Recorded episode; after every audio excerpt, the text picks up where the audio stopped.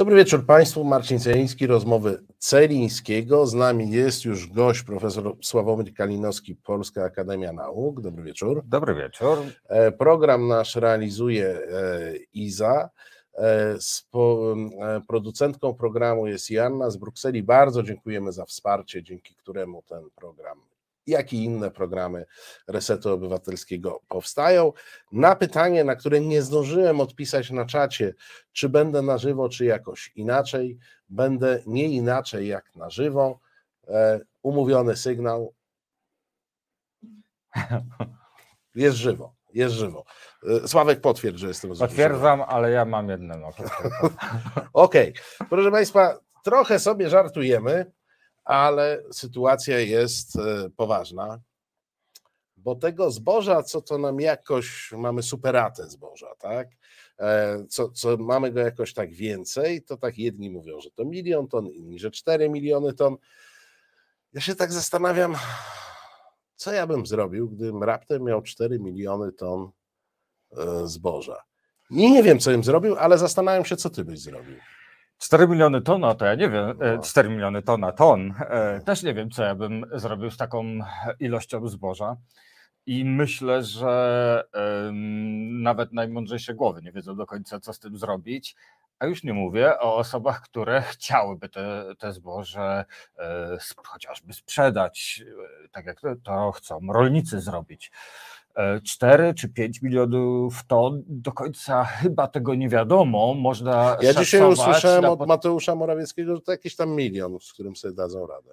No, myślę, że ta narracja zmienia się każdego dnia, tak samo jak narracja dotycząca um, i ceny, i dopłat, i do czego będziemy dopłacać, bo słyszeliśmy początkowo, że to będzie różnica między e, ceną skupu, czyli mniej więcej wtedy 900, 900 czy 1000 e, złotych, a 1400 do tony e, zboża, czyli do wszystkiego, jak rozumiem, zboża wówczas to jeszcze było, czyli żyto czy pszenica nie ma większego znaczenia, kukurydza, jakie to zboże będzie.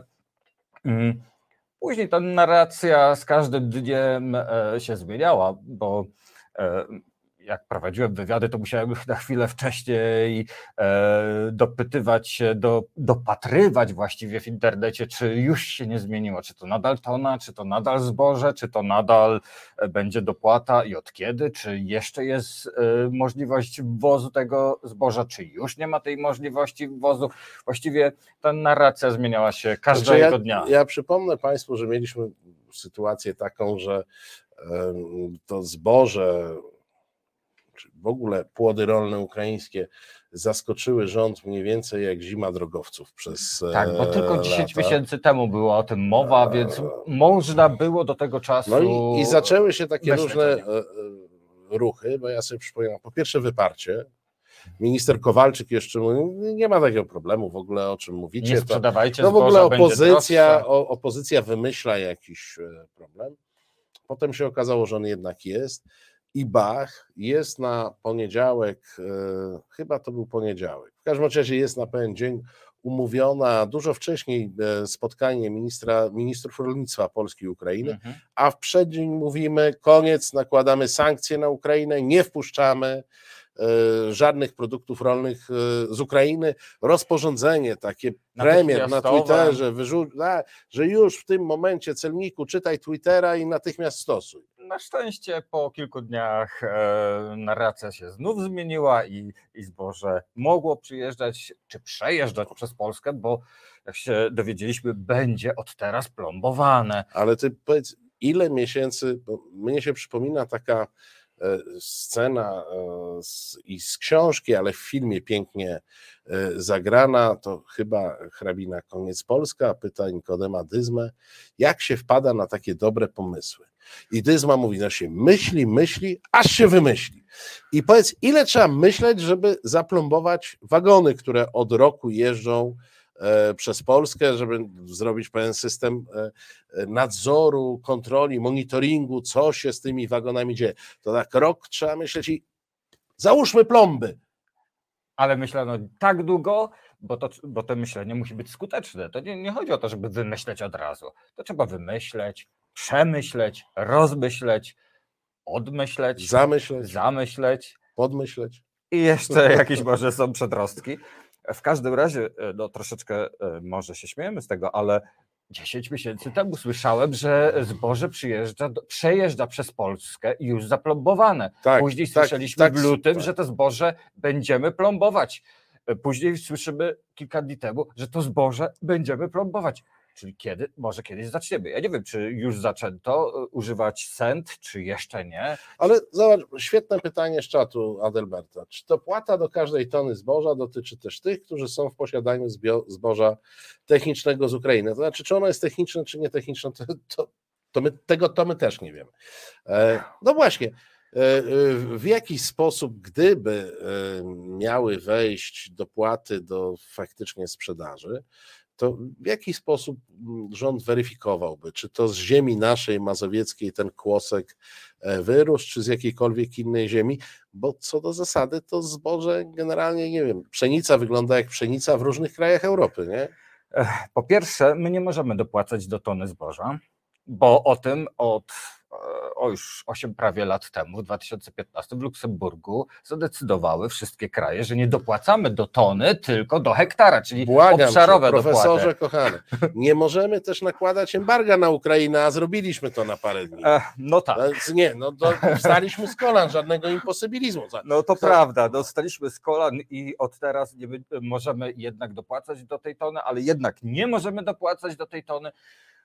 No właśnie o to chodzi, że już raz dopłacamy, przypomnę, w ramach dopłat, dopłat obszarowych do tego zboża, teraz drugi raz będziemy dopłacać do tego zboża, to i tak jest krok do przodu, bo już nie dopłacamy do tego, do tony, o którym rzucono w trakcie posiedzenia jednej z partii, kongresu jednej z partii, może nie będę mówić jakiej, a może No. powiemy, A Państwo się domyślą. e, że to 1400 do tony, później szybko się zreflektowano, ach kurczę, od 8 lat właściwie już nie dopłaca się do e, plonów, tylko do hektara. Dlaczego tak 8 lat wymyślono? Wymyślono dlatego, żeby na siłę nie zwiększać produkcji z hektara, e, czy to zboża, czy innych produktów rolnych, no żeby jednak e, zmierzać ku zrównoważonemu rozwojowi. No ale my chcieliśmy zawrócić kijem Wisłę, a właściwie chcieliśmy zawrócić jakie rzeki? Wszystkie właściwie chyba rzeki Wszystkie, chcieliśmy e, wszystkie. europejskie zawrócić. Od, od Wołgi po tam jakiś pad, nie wiem, co Na tam przykład. jest. E, Może, może nie.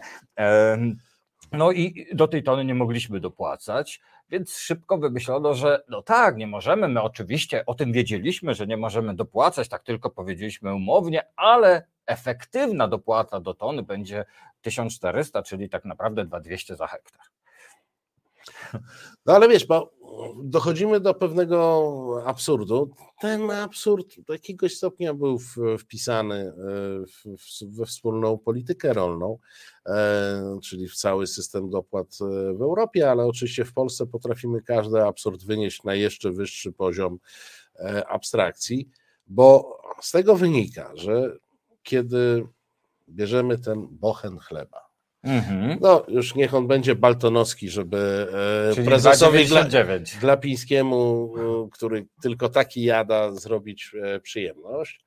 No to on kosztuje 2,99, ale tak naprawdę to on chyba kosztuje dużo więcej z racji tego, że myśmy do tego chleba już raz dopłacili mm, dopłatami bezpośrednimi, e, drugi raz dopłacimy tymi różnymi instrumentami, które prezes Kaczyński e, zapowiedział jako e, ratunkowe, no to wtedy będzie to ważne pytanie w- teleturniejach typu milionerzy, ile, Ile kosztuje, ile kosztuje naprawdę bochenek chleba, za który płacimy 3 zł.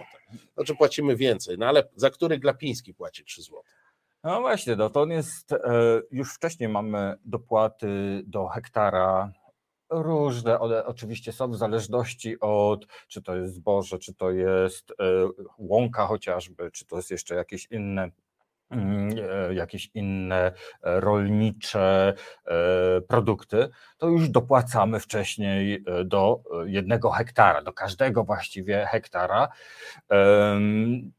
Około powiedzmy, załóżmy no, może być tysiąc, może to być więcej złotych, to, to bardzo różnie wygląda, więc nie chcę tutaj wchodzić w szczegóły. No teraz byśmy mieli jeszcze do tego hektara dołożyć 2000 chyba 200 czy 400, już teraz nie pamiętam, no to widzimy, że e, a z hektara mamy 5,5, tak mniej więcej średnio ton pszenicy, jeśli jemy pszenne, czy baltonowski chleb jest pszenny?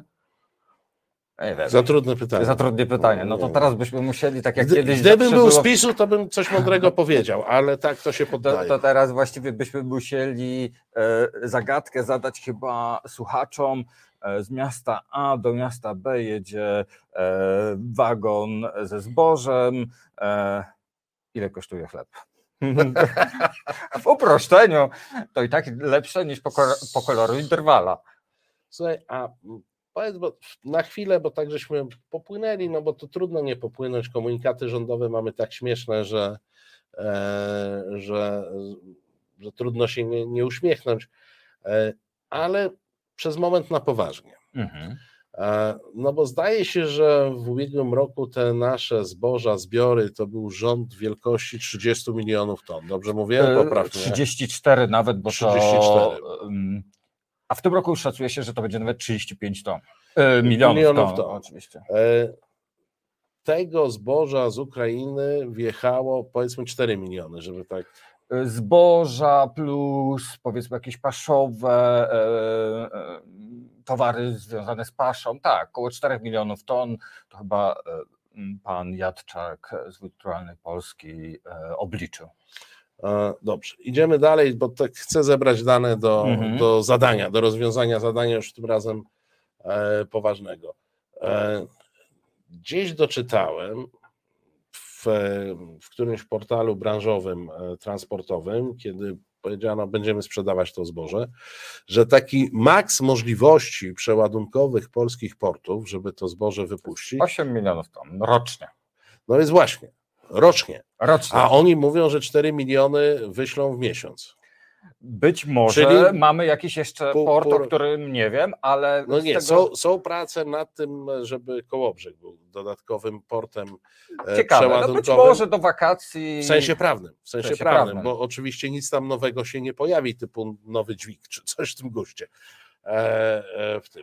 No i, a jaką my mamy pojemność magazynów, tak z grubsza? My tak, e, Sami zużywamy rocznie około 25, niektórzy mówią, że ciut więcej milionów ton zboża, mhm. czyli my już mamy 8, mniej więcej 9, to różnie w zależności nadwyżki, spożycia, tak. nadwyżki polskiego mhm. zboża. Dodatkowo, gdybyśmy mieli te 4 miliony, to już jest 12. Jeśli jesteśmy w stanie rocznie transportować około 8 milionów ton zboża, to 4 nam zostają. Nadal. Prosta matematyka. Tak, no to nie jesteśmy w stanie. I gdzie jest tego, Nie jesteśmy w stanie nigdzie schować, bo my mamy około 9-10 milionów ton yy, powierzchni magazynowej. I już to zboże w tych magazynach jest yy, teraz składowane. Więc jeśli każde dodatkowe zboże, które yy, się pojawi, no niestety no, nie ma być, nie ma możliwości e, magazynowania, bo nie mamy takich ani silosów, ani magazynów odpowiednio przygotowanych, ani jakichś elewatorów, czy, czy czegoś No właśnie, i, i, jesteśmy, no, no, rozmawiamy, to jest 23 kwietnia. Mm, pod koniec maja zaczynają się i w czerwcu zaczynają się tak zwane małe żniwa czyli zbiory rzepaku i mm. niektórych jarych e, zbóż. Mm. I to jest podobno tak 4-5 milionów ton do zmagazynowania. Mm. Potem przyjdzie lipiec, to też nie tak e, odległy, kiedy się zaczynają duże żniwa, no i tam się pojawia te 30 parę milionów. -hmm. Dokładnie tak. No i jak można skonstruować dopłaty, żeby to wyparowało? No właśnie, ja się zastanawiam, bo w pewnym momencie była narracja, że Agencja Rezerw Materiałowych będzie wykupywać to zboże. Wszystko pięknie, ładnie będzie wykupywać, ale gdzie ono będzie gromadzone, nadal nie wiemy. E, mówiono chyba już w zeszłym roku, albo i wcześniej, że będzie dodatkowy terminal zbożowy tworzony. E, no niestety nie wystarczyło czasu, żeby go zbudować ani rozpocząć Dobra, ale ja, ja rozumiem, budowę. że okej, okay, terminal zbożowy, ale to nie jest tak, że w dwa tygodnie go postawimy. To Oczywiście. nie jest most pontonowy, że, że przyjedzie wojsko i go tam rozłoży w dwa tygodnie i bach, mamy terminal. Oczywiście nie jesteśmy w stanie tego zbudować w miesiąc, dwa, a nawet pewnie rok. Nie wiem, jakie, jaka jest e, struktura takiego terminalu dokładnie i jak długo się go buduje, ale zakładam, że no, no jakiś czas potrzebny. Dłużej niż płot na granicy białoruskiej. E, prawdopodobnie. No jeśli dla nas ważniejsze było budowanie płotu na granicy, które blokuje E, możliwości przepływu chociażby zwierzętom, chociażby zwierzętom, a już mhm. pomijam problem ludzi, które, którzy nie mogą no, dostać się do cywilizowanego świata. No, ale pomijam ten, ten problem. A my chcemy wybudować terminal zbożowy. No, śmiem wątpić, że nie uda się to tak szybko zrobić. Obawiam się, że za chwileczkę problem zboża wybuchnie ze zdwojoną siłą, bo ci wielcy producenci, ci wielcy rolnicy mają kilka, e, kilkaset tysięcy ton do sprzedaży tego zboża i oni nie mają gdzie tego magazynować. Oni chcieliby nawet teraz sprzedać zboże. Oczywiście wiadomo, że jeśli dostaną e, dopłaty w jakiejkolwiek formie. No dobrze, ale sprzedać, bo jest mowa o skupie państwowym i to jest, wracamy do mojego pierwotnego pytania. No dobrze, powiedzmy, że państwo kupi. Powiedzmy. Jakiś, jakaś tam agencja państwowa dostanie, no dobrze, ale jak kupi, to, to też musi gdzieś składować. Albo coś z tym zrobić. Albo wysłać przez te porty, które nie mają przepustowości. Poza tym trudno sobie wyobrazić, że raptem do wszystkich portów pójdzie polecenie, przeładowujecie tylko zboże, resztę odpuśćcie. No, nie ma nawet takiej możliwości, no. bo większość portów jest kontenerowych, a zboże e, musi być e, do tego stworzone oj warunki oj do sypkiego Oj tam, towaru. oj tam. Taki szczegół, tak. ale... Minister zadzwoni. Ostatnio właśnie z profesorem e, z SGGW rozmawiałem, profesorem Klepackim, który zajmuje się logistyką. Ja mówię, wszystko pięknie, ładnie, no ale na przykład dworze, port w Gdyni, ten najnowocześniejszy, nie jest przystosowany do sypkich... No, pewnie jest wina poprzedniej poprzedniej ekipy. Pewnie tak. Tak, tak to ustawili złośliwie. złośliwie. Ale no tak, no jak zaraz się pojawi y, to zboże, no, no, gdzie ono ma być magazynowane? Nie wiemy tego. E, rolnicy chcieliby sprzedać zboże, ale producenci mają wypełnione swoje z kolei magazyny, mają wypełnione, kupili zboże i polskie, ale i mo- ukraińskie. Może by tak więcej makaronu moglibyśmy jeść więcej makaronu, no to tutaj apel jest e, do naszych I chleba balkanowskiego. Więcej chleba, więcej makaronu, ale jeszcze jest możliwość no. biokomponenty i alkohol. Co myślę, że. Sławek, jesteśmy... robię co mogę, ale ile można. No, no ile no, można, nie, właśnie, ale ja nie wiem, czy z pszenicy też e, można. Alkohol... Słuchaj, ze, ze wszystkiego akurat jeżeli chodzi o zboże, to ja już mówię jako historyk e, z każdego. Z każdego można. Z każdego coś. E, no to oczywiście tak. Można oczywiście do, do celów energetycznych i bio, wszelka, wszelkie bioenergetyka. Ja rozumiem, będziemy brykietować, palić w elektrowniach. No właśnie, problem jest taki, że mam poczucie, że jeśli to jest zboże wysokiej jakości, a z reguły jest to zboże wysokiej jakości, no to chyba byłoby to trochę barbarzyństwo, żebyśmy palili takie zboże, wiedząc, że część świata potrzebuje. Ale wiesz, bo no, no, być może jest y, tak, że alternatywą dla palenia tym zbożem w piecach, takich czy innych, byłoby wysypywanie je do jezior albo do morza, no bo no to, to chyba już wtedy lepiej na te biokomponenty yy, wykorzystywać. Nie tak dawno ktoś na Twitterze mi napisał właśnie, że e, jak wujek czy rodzina, który jest rolnikiem, ma kilkanaście hektarów właśnie zboża, produkuje i wolał spalić to zboże niż sprzedać poniżej kosztu wytwarzania, bo faktycznie musimy zdać sobie jeszcze sprawę z tego, że zboże jest wytwarzane no to oczywiście w zeszłym roku było wytwarzane, do tego były potrzebne nawozy, które są znacznie wcześniej kupowane niż e, ta produkcja się odbywa. To wszystko się e, e, odbywa w długim czasie co powoduje, że jeśli nawozy są rok wcześniej droższe, no to to powinno mieć konsekwencje dla sprzedaży Cenie, tak. zboża w kolejnym roku.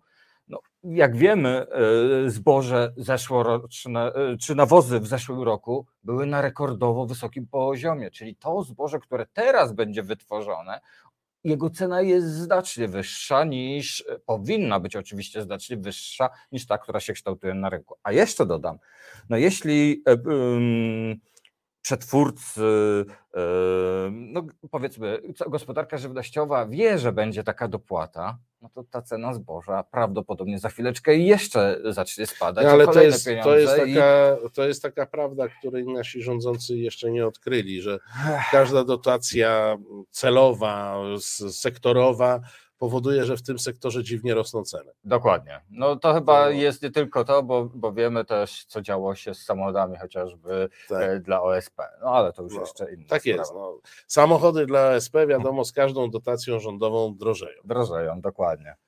E, słuchaj, ale pytanie jest takie, bo rządzący często się wypowiadają e, na ten temat, że tak naprawdę to kwestia zboża, to nie jest kwestia polsko-ukraińska, to, to nie jest pomoc Ukrainie, tylko tam są międzynarodowe koncerny, które produkują to zboże czy jakieś inne płody rolne i to embargo nie jest no, nie, to planowane embargo, do którego de facto nie doszło, to nie jest antyukraińskie, tylko przeciwko międzynarodowym koncernom. To ja jeszcze spytam o naszą stronę. A, A ja może no, powiem o dobra. tych koncernach faktycznie, bo my e, w Instytucie Rozwoju Wsi i Rolnictwa Polskiej Akademii Nauk gościliśmy e, profesorki, no bo głównie to były panie, jeden pan, ale głównie profesorki, które po wojnie miały możliwość zdobycia pracy czy też stażu takiego długoterminowego w instytucie. I jedna z pań profesor, pani profesor Borodina, członkini Ukraińskiej Akademii Nauk, właśnie zwracała na to uwagę. Nam już wtedy, już e, ja nie wiem, chyba we wrześniu było to seminarium, ale te spotkania odbywały się cyklicznie od właściwie kwietnia czy marca e, do prawie do końca zeszłego roku. I zwracała uwagę, że tak naprawdę my nie do końca pomagamy rolnikom ukraińskim, tylko tym wielkim holdingom, które mają po kilkadziesiąt tysięcy hektarów e, pola. Ale wiesz, ja, ja tu o tyle się nie zgodzę, że te wielkie holdingi, no taką strukturę e, rolnictwa... Z, Oni mają tam dualną no, strukturę. Na, jedne to są wielkie holdingi, no, ale jedne to mniejsze. To są jednocześnie ludzie, którzy są pracodawcami, dają zatrudnienie. Oczywiście tak, oczywiście ludzi. tak. E, są, no to jest, to jest trochę tak, jakby powiedzieć, że jak ktoś, nie wiem, wprowadzi któregoś dnia embargo na baterie do samochodów na Polskę, to że szkodzi Samsungowi który, jak wiadomo, największa e, e, fabryka, europejska fabryka produkująca baterie do samochodów elektrycznych jest w Polsce. I można wprowadzić takie embargo i powiedzieć Samsungowi dojechaliśmy, nieprawda. Do, to, to, jest, to wtedy że, wpływa że na tam kilkanaście tysięcy ludzi, których Samsung Oczywiście. w Polsce zatrudnia, podatki i tym podobne. Więc ja bym tu nie wchodził w taką, taką retorykę, ale powiedz mi, a po drugiej stronie kto traci? Ci biedni dwuhektarowi, którzy tam tą pszenicę. Oczywiście, że ci no, nasi y, duzi producenci, ci co mają większą. Oni w większości e... są chyba w PiSie. Ci duzi? No. No właśnie chyba nie. Nie, tak? No właśnie ci więksi producenci zakładam też po wypowiedziach tych e, producentów rolnych, to raczej chyba nie jest elektorat e, rządzącej partii. Ale my musimy pamiętać jeszcze jedną rzecz. W Polsce mamy około miliona czterystu gospodarstw rolnych i tylko 400, 500 tysięcy działa rynkowo i w miarę ekonomicznie, 400-500 tysięcy, czyli te największe gospodarstwa. My ponad połowę gospodarstw rolnych mamy poniżej czy do 5 hektarów. Czyli to są ludzie produkujący tak naprawdę na własne potrzeby, tak? Albo dzierżawiący to... swoją ziemię większym producentom, większym. E, czyli ko- zarabiający na własności, a nie na produkcji. Na własności, na dopłatach ze wspólnej no polityce, no polityki rolnej E, ewentualnie są to małe e, gospodarstwa e, rolne socjalne, to się nazywa socjalne, które one oczywiście w takim pejzażu rolniczym są ważne, z tego, z tego względu, że tym gospodarstwom nie musimy płacić chociażby, czy członkom tego gospodarstwa nie musimy płacić chociażby zasiłku. Nie musimy szukać jakiejś formuły jakimś, socjalnej, żeby ich Dokładnie, utrzymać. one w jakiś sposób dzięki temu tym kilku hektarom mogą utrzymać się, nie korzystając z dodatkowej pomocy państwa, co też jest istotne oczywiście, ale jeśli chcemy, żeby to nasze rolnictwo było profesjonalne, żeby było e, no, na świecie poważane, ale też e, ekonomicznie e, miało możliwość się rozwijać, no to tylko te większe gospodarstwa tylko, rolne co, mają ja, na to Ja szukam tego bezpośrednio poszkodowanego po naszej stronie. Tak? E, no to Czy ten mały rolnik, ta, ta grupa tych gospodarstw takich socjalnych, czy jakby ich tam nie nazywać, to czy oni są poszkodowani na Myślę, że w niewielkim stopniu. płodów rolnych? Myślę, że w niewielkim stopniu to dotyczy prawdopodobnie tych e, dużych czy średnich gospodarstw, takich, e, które faktycznie, no, no bo załóżmy tak, jeśli ktoś ma 5 hektarów i, i te 5 hektarów pszenicy, no to jak dostanie te 10 tysięcy e, złotych, czy 11 e, z tej pszenicy, no to nie jest to jakiś wielki, e, wielki dochód dla tego gospodarstwa. Ale jeśli ktoś już ma 100 hektarów, no to widzimy automatycznie, jak wzrasta ta kwota. I byśmy mogli też w drugą stronę popatrzeć, jakie straty wynikające ze spadku ceny pszenicy z 1800 do 900 zł, jakie to jest znaczna strata dla takiego dużego producenta rolnego. Zagramy w tej chwili coś skocznego, ale nie uciekajcie Państwo, za moment e, wracamy. Dochodzenie prawdy. Dziennikarz śledczy Tomasz Piątek jest nieustannie na tropie ujawnia wszystko to, co najgłębiej ukryte. Fakty niewygodne dla władzy i kłamstwa najważniejszych osób w państwie. Jak wygląda dziennikarskie śledztwo? Jak dochodzi się do prawdy? Nie chowamy głowy w piasek. W poniedziałki o 19 w resecie obywatelskim potężna dawka niewygodnej prawdy. I proszę Państwa, wróciliśmy. Nadal realizuje nas Iza, producentką programu jest Janna z Brukseli. Nadal kłaniamy się nisko i dziękujemy. Nadal w naszym studio profesor Sławomir Kalinowski. Nie uciekł. Nie uciekł. Ale nie, no, nawet nie, nie, nie przejawiałeś takich skłonności. Nie, nie, nie. Ja do ucieczki to niechętnie. Biegać nie lubię. Słuchaliśmy muzyki i e, rozmawialiśmy na tak zwanym ofie. E, jak już ustaliliśmy, beneficjentów po stronie e, ukraińskiej, tych stratnych po stronie polskiej, to powiedz, czy my mamy narzędzia, a w zasadzie, jak myślisz, dlaczego okazuje się, że Ministerstwo Rolnictwa nie chce, nie może opublikować danych dotyczących firm, które na procederze zarobiły. Być może, i to zakładam, że tak jest, cały czas tworzona jest ta lista prawdopodobnie. Ale to myślisz, ale to zakładam, ale to że ta lista do, do, no dotyczy przeszłości, więc to już y, tak, kto to, to, robił, to robił. To czy, czy jacyś nowi się. To trzeba, to ktoś musi przynieść. To nie jest takie proste. No ale jak, jest... jak y, bo powiedz, bo na pewno to wiesz, jak, jak, jak wygląda rejestracja takiego obiegu? Bo jak wiadomo, y, polscy rolnicy w większości nie mają praw obywatelskich, w tym prawa płacenia podatków, w związku z czym e, duża część obrotu płodami rolnymi jest poza wszelką ewidencją e, dzięki temu. Więc po pierwsze, skąd ktoś wie, że sprzedawane było zboże ukraińskie, nie polskie na przykład? Po drugie, czy jesteśmy w stanie się dowiedzieć w sposób systemowy, prosty, kto sobie przez ten rok znalazł miłe zajęcie, które na pewno przysporzyło mu bardzo e, wiele, wielu milionowych, e, bardzo wiele milionów przyjaciół, na przykład z wizerunkami e, na banknotach różnych, różnych walut. No, ktoś na tym skorzystał. Mówię tu o tych wszystkich pośrednikach, bo z całą pewnością nie było tak, że przyjechał w parowozie jakiś producent ukraiński, miał 50 wagonów zboża, stanął na dworcu i powiedział, kto kupuje i sprzeda. Nie, to, to tak nie działa. No, mm, czytałem, ale oczywiście sam tych badań nie robiłem, że e, powstawały firmy, nie wiem, krzaki, wsupy, jakkolwiek je nazwać, które z chwilą kupienia i za chwileczkę sprzedania tego zboża, chwilę później znikały z ewidencji.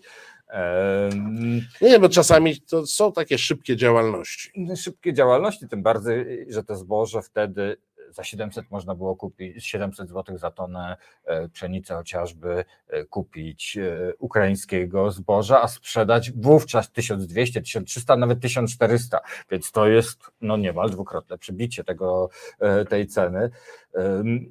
Przyznam, no trudno jest mi też do końca zrozumieć, dlaczego taka lista ciągle nie może powstać. Mogę oczywiście sobie podejrzewać, e, że lista nie powstaje, bo no powiedział to pan minister Kowalczyk, to chyba nie będzie żaden, e, żadna konfabulacja, że część kolegów mogłaby się na mnie obrazić. No, fajnych ma kolegów, skoro e, z tego powodu by się mogli obrazić. Nie, bo to Pan e, Bochenek, który był e, dopytywany o to na konferencji prasowej, ten najpierw zaczął opowiadać o jakiejś publikacji tygodnika sieci, który ja jej nie znam. E, powołuje się tu na pana Bochenka, gdzie tygodnik sieci podobno napisał, że to tam jakaś firma związana z Waldemarem Pawlakiem coś ściągała i powiedział, że to jest jedyny znany mu przypadek. Dociskany trochę powiedział, że ministerstwo wystąpiło o opinię prawną, czy w ogóle może publikować. Czyli rozumiem, że w przypadku firm niezwiązanych z Waldemarem Pawlakiem konieczna jest opinia prawna, żeby ujawnić dane. Myślę, że tak. Myślę, że tutaj jest niestety. Um...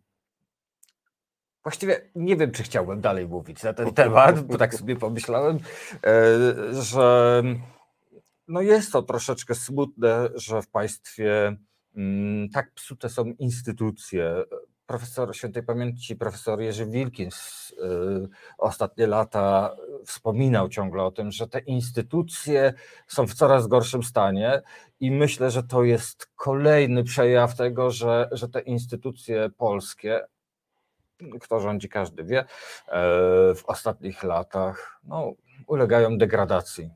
I być może też jakieś obawy, że to właśnie ci koledzy ministra, byłego, nadal ministra właściwie, e, tylko teraz bez teki, e, mogą na tym stracić, obrazić no, się. mieliśmy sytuację, pamiętasz jak e, wyskoczył temat węgla sprowadzanego z Rosji, czy wręcz z okupowanego przez Rosję Donbasu. To się okazało, że tam był jednym z głównych importerów brat e, ówczesnego ministra ochrony środowiska. Brat i chyba syn też no to może, w jakiś sposób. W każdym razie biznes był rodzinny. rodzinny Mała, zupełnie. niewielka firma rodzinna. Więc pewnie tutaj też byśmy jakoś tam, jakoś tam rodzin się doszukali, ale wiesz co, bo Zapytam Cię też jako czeka, który się do jakiegoś stopnia zajmuje socjologią tych obszarów, e, e, bo, bo nie da się tak monodyscyplinarnie do tego podchodzić. PiS bardzo nerwowo zareagował. E, w sensie takim, że bardzo szybko jakieś właśnie, a to dopłata do tony, a to teraz do hektara, a to coś, jakieś tam pieniądze bardziej bądź mniej wirtualne wyciągnął. Czy to jest faktycznie tak, że ta grupa, który, przy której należałoby pomagać przy tym zbożu, jest, e, sam powiedziałeś, że duzi producenci rolni są jakby poza e, tym, no to w, w, takim razie ta reakcja do, do kogo uderza? Kogo ma uspokoić? Ja myślę, że to ma generalnie uspokoić szerszy elektorat związany ze wsią, bo mm, chociaż wiemy, że rolnictwo to zaledwie 10-12% aktywnych zawodowo mieszkańców wsi zajmuje się tak. rolnictwem, więc to nie jest, e, e, zawsze mamy takie e, podświadomość, wieś, wieś rolnicy, nie, ale, musi, nie. ale musimy też pamiętać, że część osób ten czy inny sposób z rolnictwem jest powiązane, bo albo poprzez pracę w rolnictwie. Oczywiście 80% mieszkańców wsi nie pracuje w rolnictwie, no ale mieszkając na wsi, gdzieś te kontakty y, rolnicze oczywiście są i być może patrząc, nie jestem socjologiem, bo jestem ekonomistą, ale u mnie w instytucie są znakomite panie e, socjolożki, panie, głównie panie, bo chyba tylko jeden pan e, socjolog albo politolog, no ale nieistotne. E, one by może więcej o tym powiedziały z tego punktu widzenia, ale faktycznie chyba to ma za zadanie takie rezonowanie na całą wieś, nie tylko na grupę rolniczą, ale też na pozostałych mieszkańców wsi, pokazanie, bo nadal mamy, e, utożsamiamy wieś z rolnictwem, mimo tego, co powiedziałem.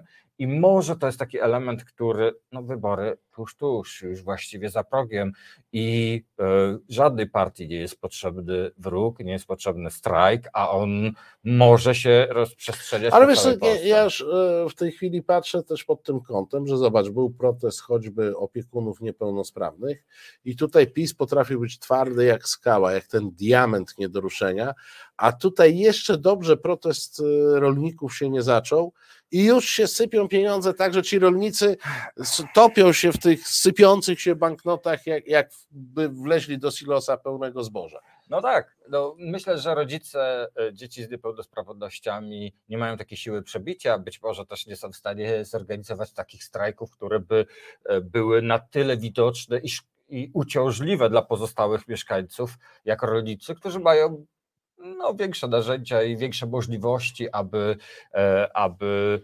skutecznie zablokować kraj, a jeśli zablokują kraj, to może część ludzi, którzy dotychczas oglądali jeden e, z programów telewizji, e, jeden czy drugi program telewizji, mogą się dowiedzieć, że jednak ten kraj mlekiem i miodem nie płynie że jednak są grupy zawodowe, grupy społeczne, które mają problemy, którym w jakiś sposób aktualna władza nie do końca hmm, zrealizowała no właśnie. cele. Czy... I, i, I tutaj dochodzimy do takiego momentu, do którego chciałem dojść, a ty doszedłeś beze mnie. Ach. Szczęśliwie.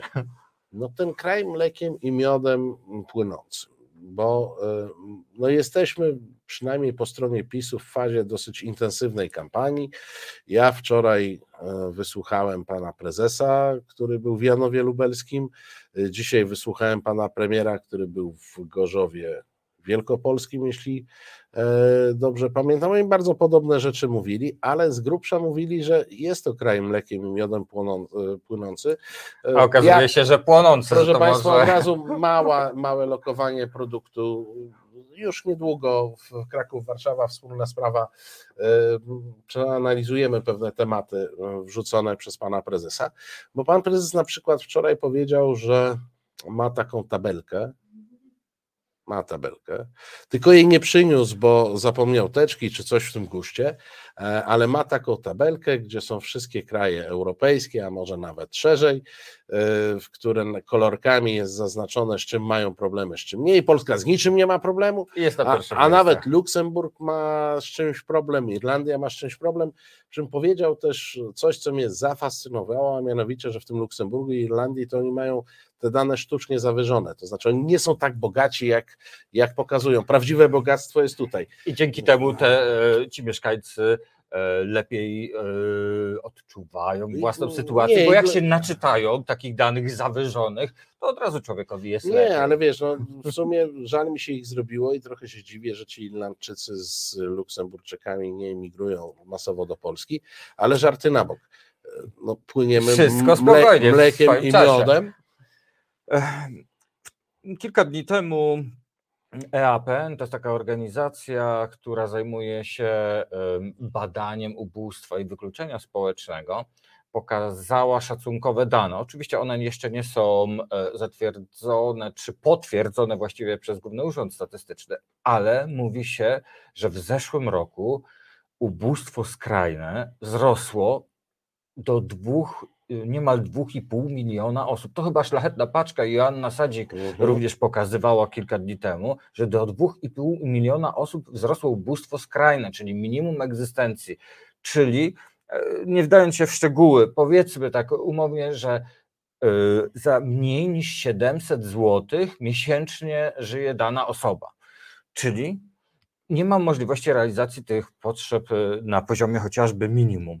To jest wzrost znaczny to jest z 4,2% do 6,5%, ponad 2 punkty procentowe, ponad 800 tysięcy osób. Więc jeśli te mleko i, i ten mleko i miód i być może zboże płynie tym krajem, to okazuje się, że część osób nie jest w stanie nabrać e, tego miodu, nabrać tego mleka do swoich kubeczków. No a z kolei dzisiaj premier Morawiecki mówił e, o tym, że Wyrównaliśmy Polskę, zresztą powtórzył to chyba premier Sasin też w Podlaskim, ale tego nie widziałem, tylko gdzieś czytałem, że już nie ma takich rażących różnic między dużymi miastami a tymi teren, Polską powiatową, mówiąc pewnym skrótem, to jest to ubóstwo. Wydaje mi się, że ona ma swoją geografię. Oczywiście, że tak. Tu jest kilka osi e, właśnie tej geografii ubóstwa. Pierwsze, duże miasto i wieś peryferyjna, bo jeśli oczywiście porównamy, bo może tak, najpierw zacznę od tego, że wieś jest z, z róż...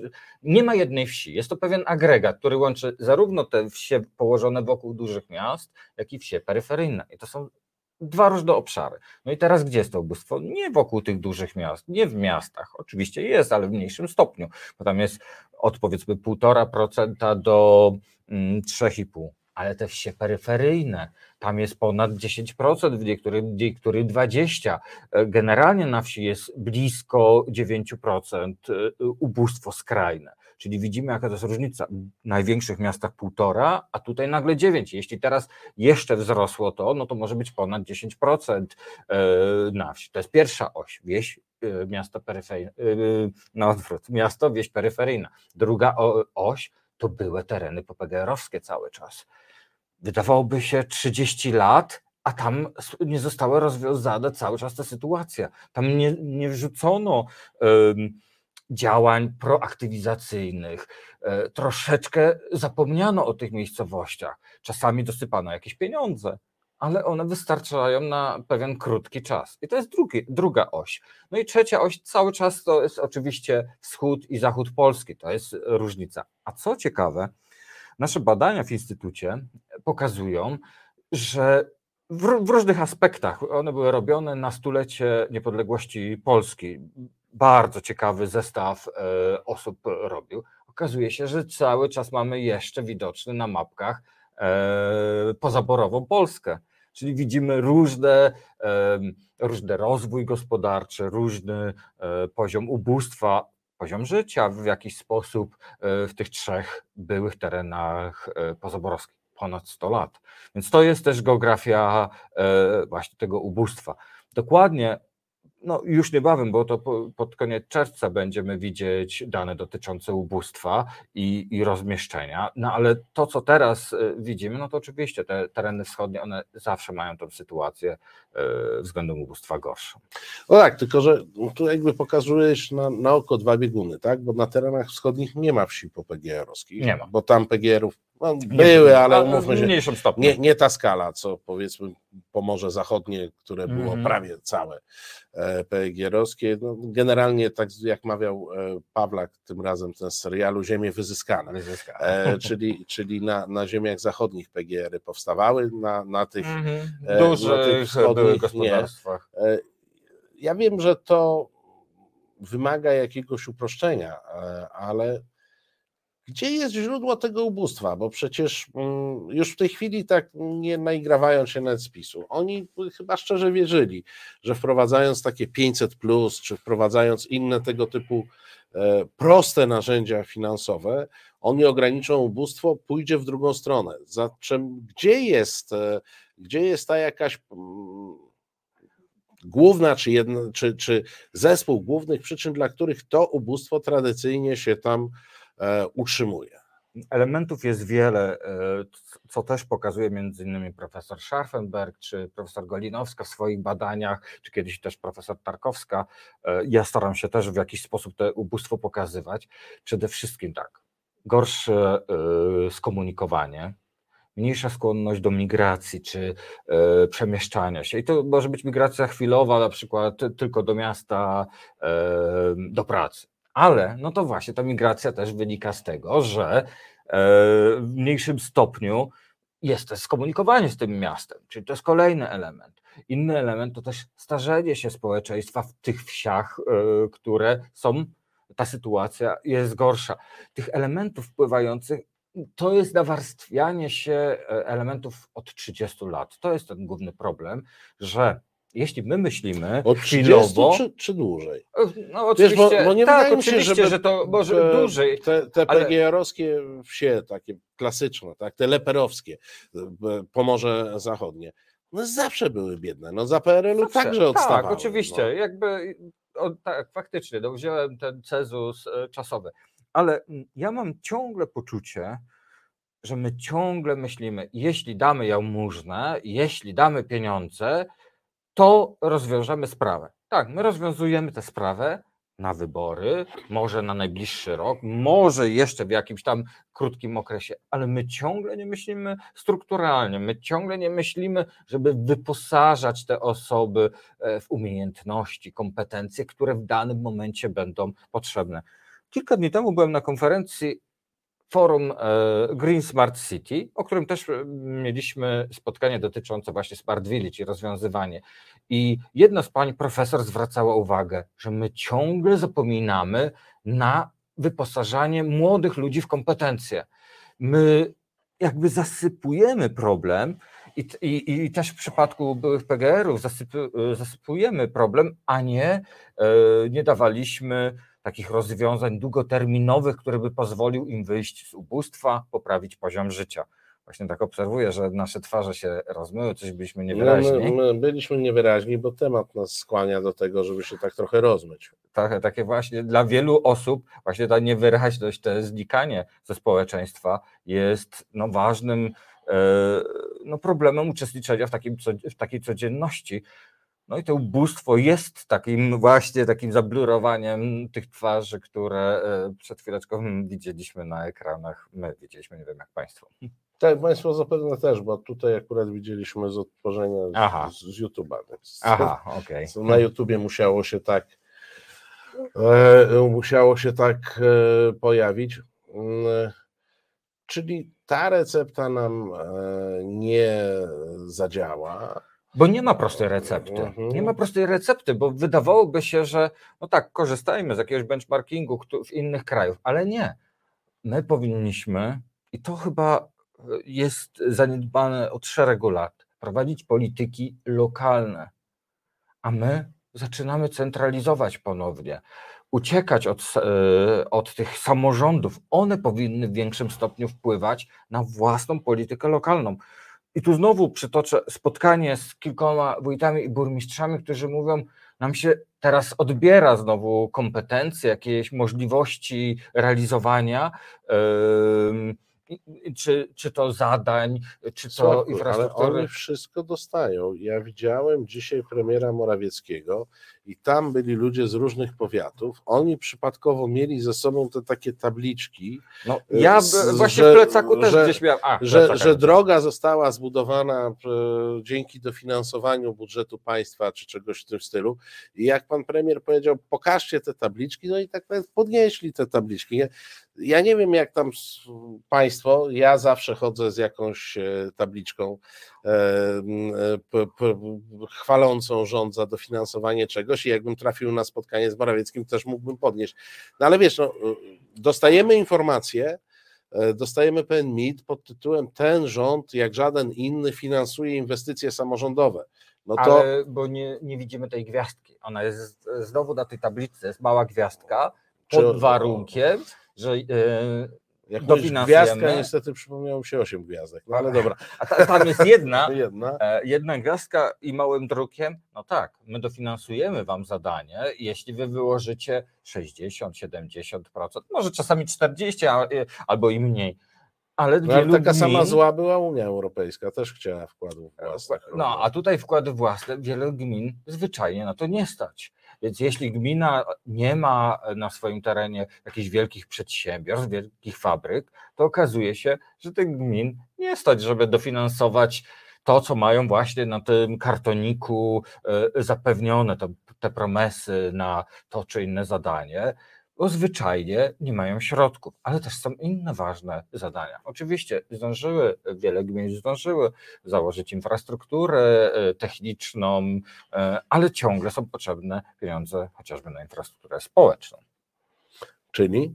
No, związane ze szkołami, związane z, e, ze służbą mi zdrowia. to, żebyśmy powiedzieli to wprost, bo to ładne słowo infrastruktura społeczna, ale to oznacza budowę przychodni, budowę przedszkoli, żłobków, szkół.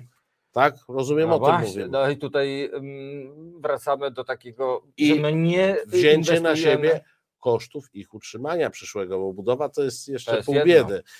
Ale te, tutaj też kilka dni temu właśnie zwracał mój kolega Łukasz Komorowski, że tak, część e, gmin we wcześniejszych rozdaniach zainwestowała w pewne mm, no, infrastrukturę, chociażby z tymi już tak dosyć często powtarzanymi akwaparkami, ale nie tylko oczywiście w jakieś e, e, e, czy szkoły, czy inne związane z infrastrukturą społeczną. No a teraz nie mają środków, żeby, żeby to finansować. Bieżące tak. utrzymanie, bieżące utrzymanie.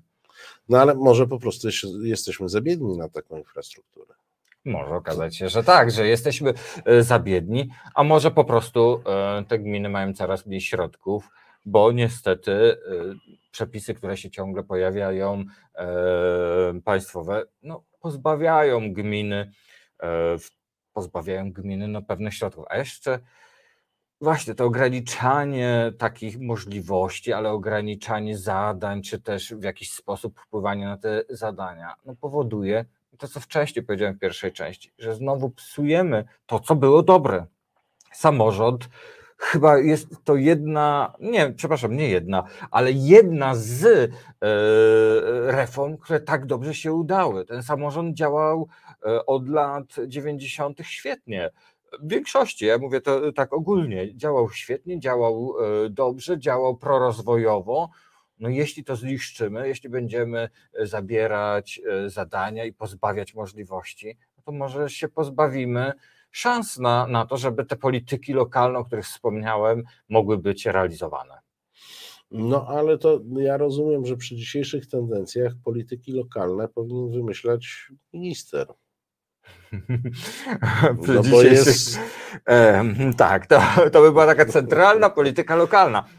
W- Tak, być może e, gdzieś już to wymyślono, prawdopodobnie tak, w jakichś krajach jest ta centralna polityka lokalna, no ale oczywiście możemy się z tego śmiać, ale myślę, że te polityki lokalne, one muszą być e, realizowane w takim zakresie, jak były no, jeszcze kilka lat temu. I nie możemy ich pozbawiać e, tych burmistrzów, wójtów, może, może starostów, bo to na różnych poziomach oczywiście, no, tych zadań, które dotychczas realizowali. Być może nawet nie zadań, ale możliwości finansowania tych zadań.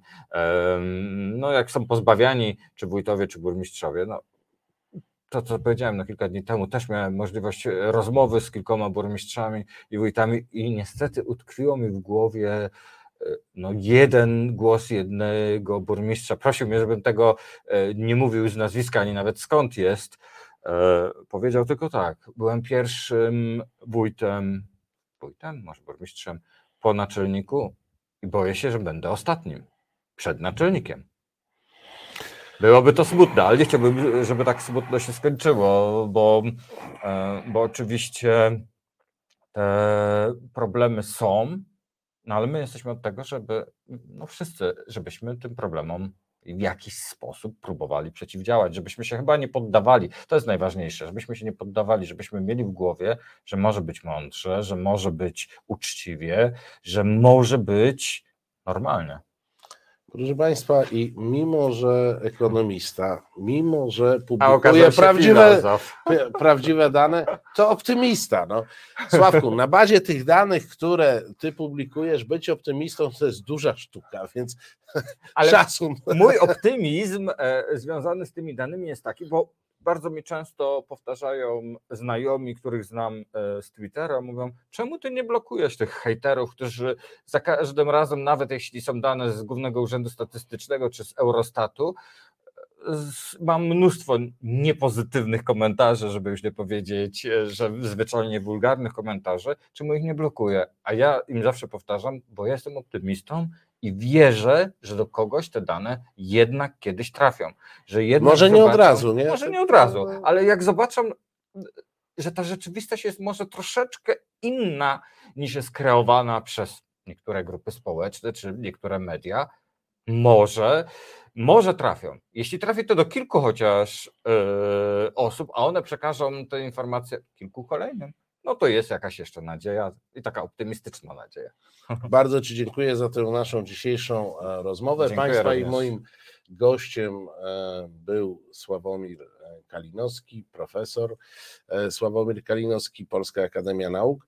I dodam Instytut Rozwoju Wsi i Rolnictwa. Instytut Rozwoju Wsi i Rolnictwa, mm, czyli no dobrze, życzymy i rozwoju, i, i wsi, i rolnictwa. I, tak. I, I rolnictwa. Program nasz realizowała Iza, producentką programu była Joanna z Brukseli. Ja Państwu e, bardzo dziękuję i oczywiście zapraszam już za parę minut Kraków, Warszawa, wspólna sprawa. Z Witoldem Beresiem pochylimy się nad tezami prezesa, albowiem one ważne dla nas są. Kłaniam się Państwu, do zobaczenia za tydzień. Do zobaczenia. Reset Obywatelski.